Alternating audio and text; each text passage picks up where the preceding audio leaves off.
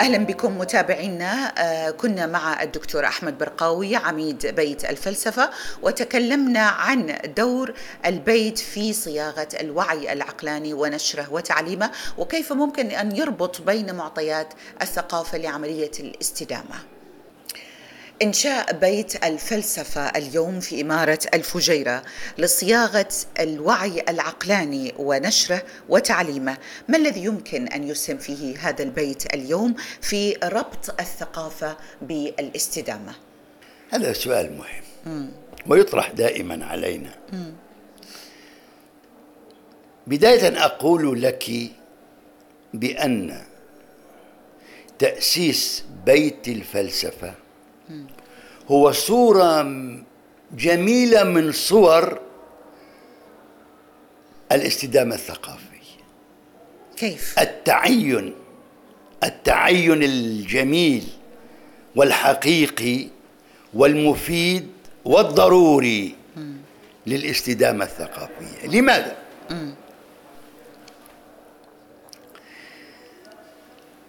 الفلسفة هي علم التفكير. الفلسفة مرجعها ذاتها.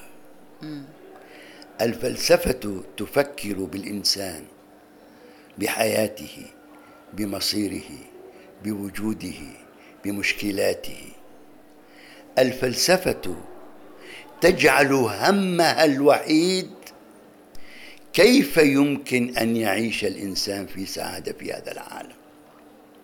الفلسفة ولأنها لا تفكر إلا بالإنسان فإنها تقاوم كل أشكال الكهوف الممكنة التي تحرم الإنسان من أن يكون إنسانا. مثل ماذا دكتور؟ نعم. الأوهام هناك أوهام ضارة وهناك أوهام غير ضارة ليست مفيدة. الأوهام دائما إما ضارة أو غير ضارة. أي أوهام مرتبطة بوجودي بتحديد وجودي هي ضارة. أليس كذلك؟ نعم. ما, ما هو الوهم؟ ونقيض العقلاني اللا عقلي عندما نعلم الناس كيف يفكرون بالواقع فإنما نحررهم من الأوهام التي ورثوها وليس هذا فحسب. الفلسفة هي التي تطرح السؤال الصحيح حتى ولو كانت الإجابة عنه خاطئة. لأن خطأ الإجابة ناتج عن جهل.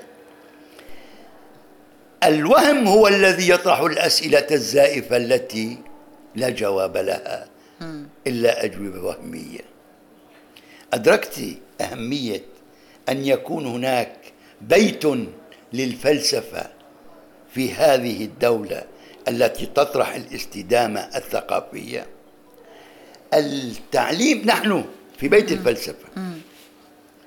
لدينا مشروع لتعليم الأطفال كيف يفكرون دون أن نفرض عليهم آراءنا وأفكارنا. نعلمهم نعلمهم فكرة الحوار.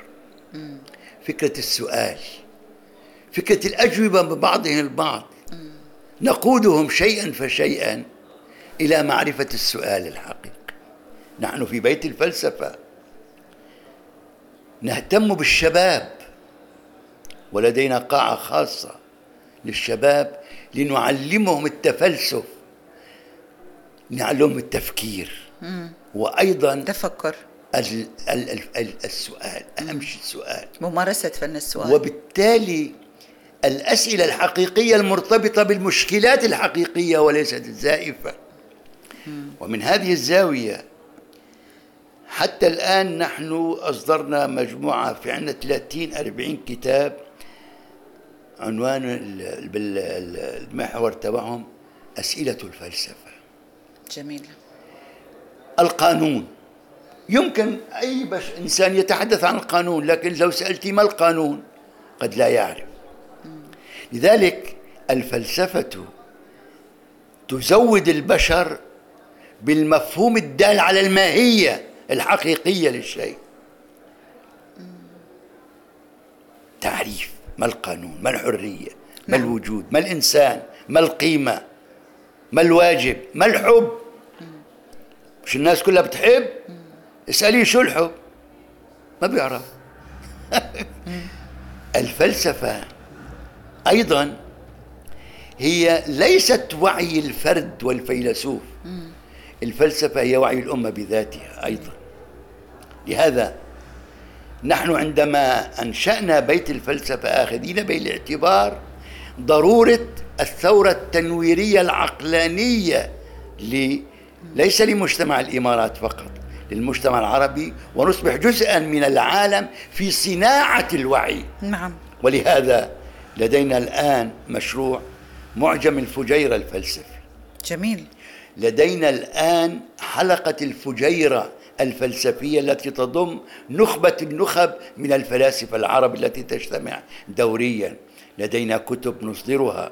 نعم. فضلا عن ذلك الآن لدينا قاعة للمحاضرات الفلسفية لجميع الأعمار. جميل. دكتور دولة الإمارات العربية المتحدة أعلنت سنة 2023 عاما للاستدامة. نعم. ترى ما المقترحات في نظرك آه، التي يمكن ممكن نقول عنها إدماجها من خلال يعني عناصر ثقافية لتطبيق مفهوم الاستدامة الثقافية عمليا؟ الحقيقة أنه الحياة الثقافية الإمارات تسير بشكل سريع وقوي. والندوات والمؤتمرات كثيرة. في حراك. في حراك شديد.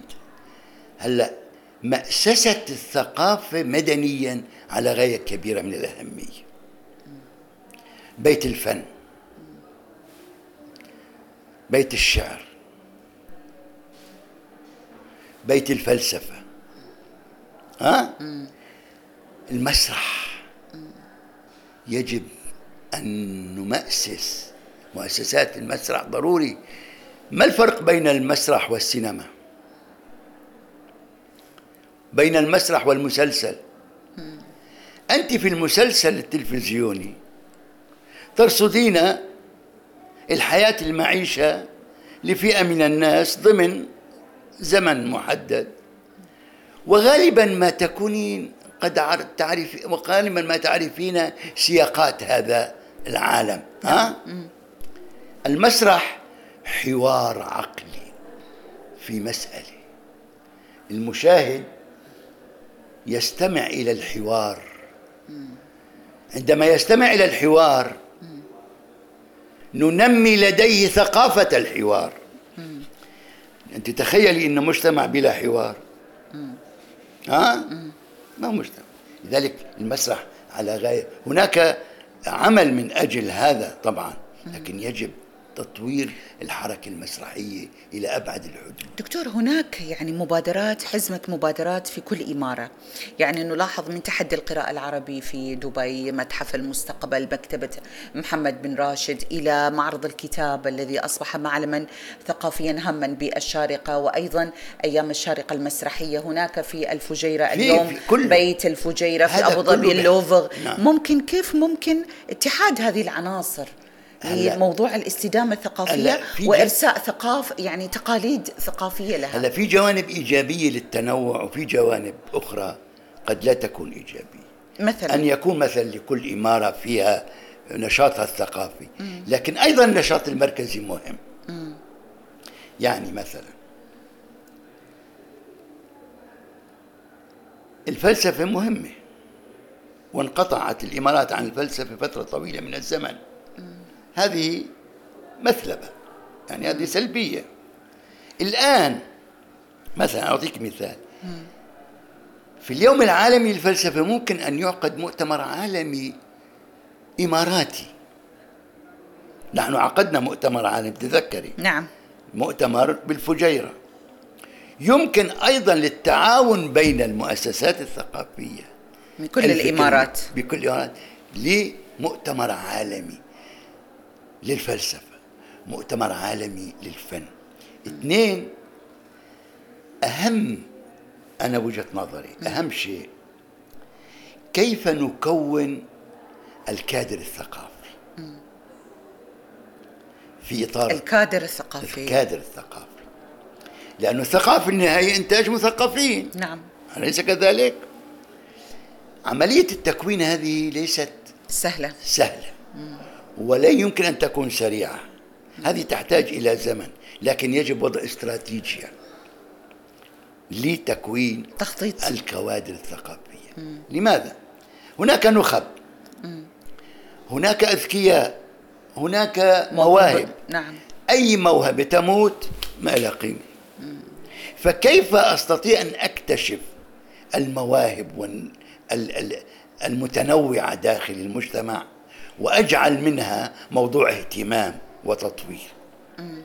هلا إحنا بتجربتنا في بيت الفلسفة ببعض المحاضرات بيظهر عندنا واحد أو اثنين ذا يعني هم لمعات. لمعات. هؤلاء يتبناهم بيت الفلسفة؟ لازم طبعا. فورا بنجعلهم بنهتم فيهم وإلى آخره. سابقا بالجامعات العربية كان الأول والثاني في في التخرج يوفد للدراسة. تجربة محمد علي أوفد النخبة إلى فرنسا لكي تتعلم. شوفي مجتمع بلا نخبة مجتمع بلا عقل. مجتمع النخبة مجتمع بلا عقل. النخبة على غاية كبيرة من الأهمية. ودعك من الكلام السلبي حول النخب. أنهم يعيشون في برج عاجي ومش عارف هذا كل ما كلام بس دكتور كيف ممكن نحقق التوازن في الحفاظ على التراث الثقافي ومعطيات أو خلينا نقول تقنيات؟ أنت ليش بدك تحافظي على التراث الثقافي؟ لا تحقيق التوازن. قبل قليل ذكرت هويتنا الخصوصية الماضي الرموز. كيف ممكن نحقق هذا التوازن بين حفاظنا على هذا التراث مكوننا الأساسي بالثقافة أو الماضي أو التاريخ وبين التقنيات الحديثة للتنمية المستدامة؟ هذا, هذا سؤال قديم. مم. قديم. قديم جديد دكتور. اسمحي لي شو يعني التراث؟ مم. شو يعني التراث؟ التراث هو الماضي مش هيك؟ بس هو مفهوم متحرك ومتغير. التراث هو الماضي. نعم. هناك أجزاء من التراث لديها قوة خاصة داخلية للبقاء كفن العمارة مثلا الآثار الجميلة. لديها خاصية هي تبقى بدعم بمعزل عن رغبتنا في بقائها أو لا. لكن خذي مثلا التراث الثقافي المكتوب. ماذا أفعل به؟ أحافظ عليه؟ شو يعني أحافظ عليه؟ المعرفة استمرار وقطيعة يا سيدتي. الثقافة استمرار وقطيعة. نحن نخاف من الاستمرار من القطيعة ونحب الاستمرار. الثقافة لها قوانينها الخاصة التي تتجاوز ذاتها على نحو مستمر. هل ثقافة الإمارات الآن بعد التأسيس هي ثقافتها قبل التأسيس؟ تغيرت كثيرا. مش تغيرت نعم. طبعا. نحن طبعا. في عالم جديد. بالمناسبة المدينة في الإمارات هي مدينة ليست حديثة فقط هي ما بعد الحداثة. أليس كذلك؟ نعم في طفرة. ما بعد الحداثة هذه يحتاج إلى ثقافة أيضا مطابقة مع تطور المدينة. صحيح. والمدينة هي صانعة الثقافة. جميل. خارج المدن ما في. ثقافة. المدينة تصنع الثقافة الثقافة المدنية. والنخب أصلا تعيش في المدن. هل المدينة مستعدة جاهزة لتلقي طبعا هذه طبعا مستعدة. هذه الطفرة التي حدثت؟ نعم. وقذفتها بكل أساليب التحديث المختلفة. نحن يجب أن نقذف في بحر متلاطم الأمواج ونتعلم السباحة يا سيدتي. لا نخاف. إن شجاعة الوجود ضرورية لإنتاج ثقافة الوجود. شجاعة الوجود. وشجاعة الحقيقة. لا نخاف. على ماذا نخاف؟ نحن كائنات مؤقتة. نورث الأجيال القادمة. التي هي مؤقتة أيضا والأجيال القادمة تورث وهي مؤقتة أليس كذلك؟ نعم. لماذا يجب أن نجعل من أنفسنا من أنفسنا عالما مستمرا دائما نحن مؤقتون أنا وأنت الآن عالم مؤقت قد يستمع أحدهم بعد خمسين عاما إلى هذا البودكاست ويقول عن ماذا يتحدثون هؤلاء وأليس كذلك؟ نعم إذا في تجديد الحياة. يجب أن نؤمن أن الحياة متجددة ولا تقف إطلاقا عند حد ولا نخاف من التجديد على ما نسميه التراث. شو يعني التراث؟ شو, شو يعني التراث؟ ماذا يعني بيت قديم وهذا تراث؟ يعني الغزالي مو تراث؟ ابن تيمية مو تراث؟ شو بنسوي فيه؟ بنحافظ عليه؟ تجاوز. عقدنا ندعو عن ابن خلدون. ما الذي تبقى من ابن خلدون؟ مقدمته. عن عن, عن ابن خلدون ككل نعم. أنا بسأل ما الذي تبقى ما الذي, ما الذي إذا بقي؟ في شيء تبقى من ابن خلدون نطوره لأن المفاهيم تتجدد العصبية عند ابن خلدون. مثلا كمفهوم. هل أستطيع أن أستخدم مفهوم العصبية كما استخدمه ابن خلدون بالذات؟ لكن ابن خلدون قد لي مفهوما قابلا للتغير لكنه صحيح انطلاقا من أنها أي العصبية هي جملة العقد الذي يقوم بين مجموعة من الناس أي ناس من أجل السلطة أو غيرها. في أي عصر؟ أدركت كيف؟ نعم. نحافظ على تراثنا. نعم.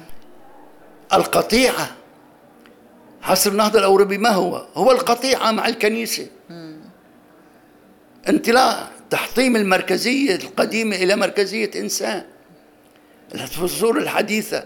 عصر النهضة العربية ما هو؟ شكل من أشكال القطيعة. لا نخاف. وبالتالي نحن صناع التراث. أدركتي؟ نحن الذين يومياً نصنع التراث. يومياً. لك بعد 200 عام أنا أصبح تراثا وأنت تصبحين تراثا. سيأتي من يقول يجب أن نحافظ على تراثهم؟ هذا أنا رأيي سؤال ليس مطروح لكن يجب أن نواجهه بشجاعة أيضا. شكرا دكتور أحمد برقاوي عميد بيت الفلسفة. شكرا مستمعينا ومتابعينا.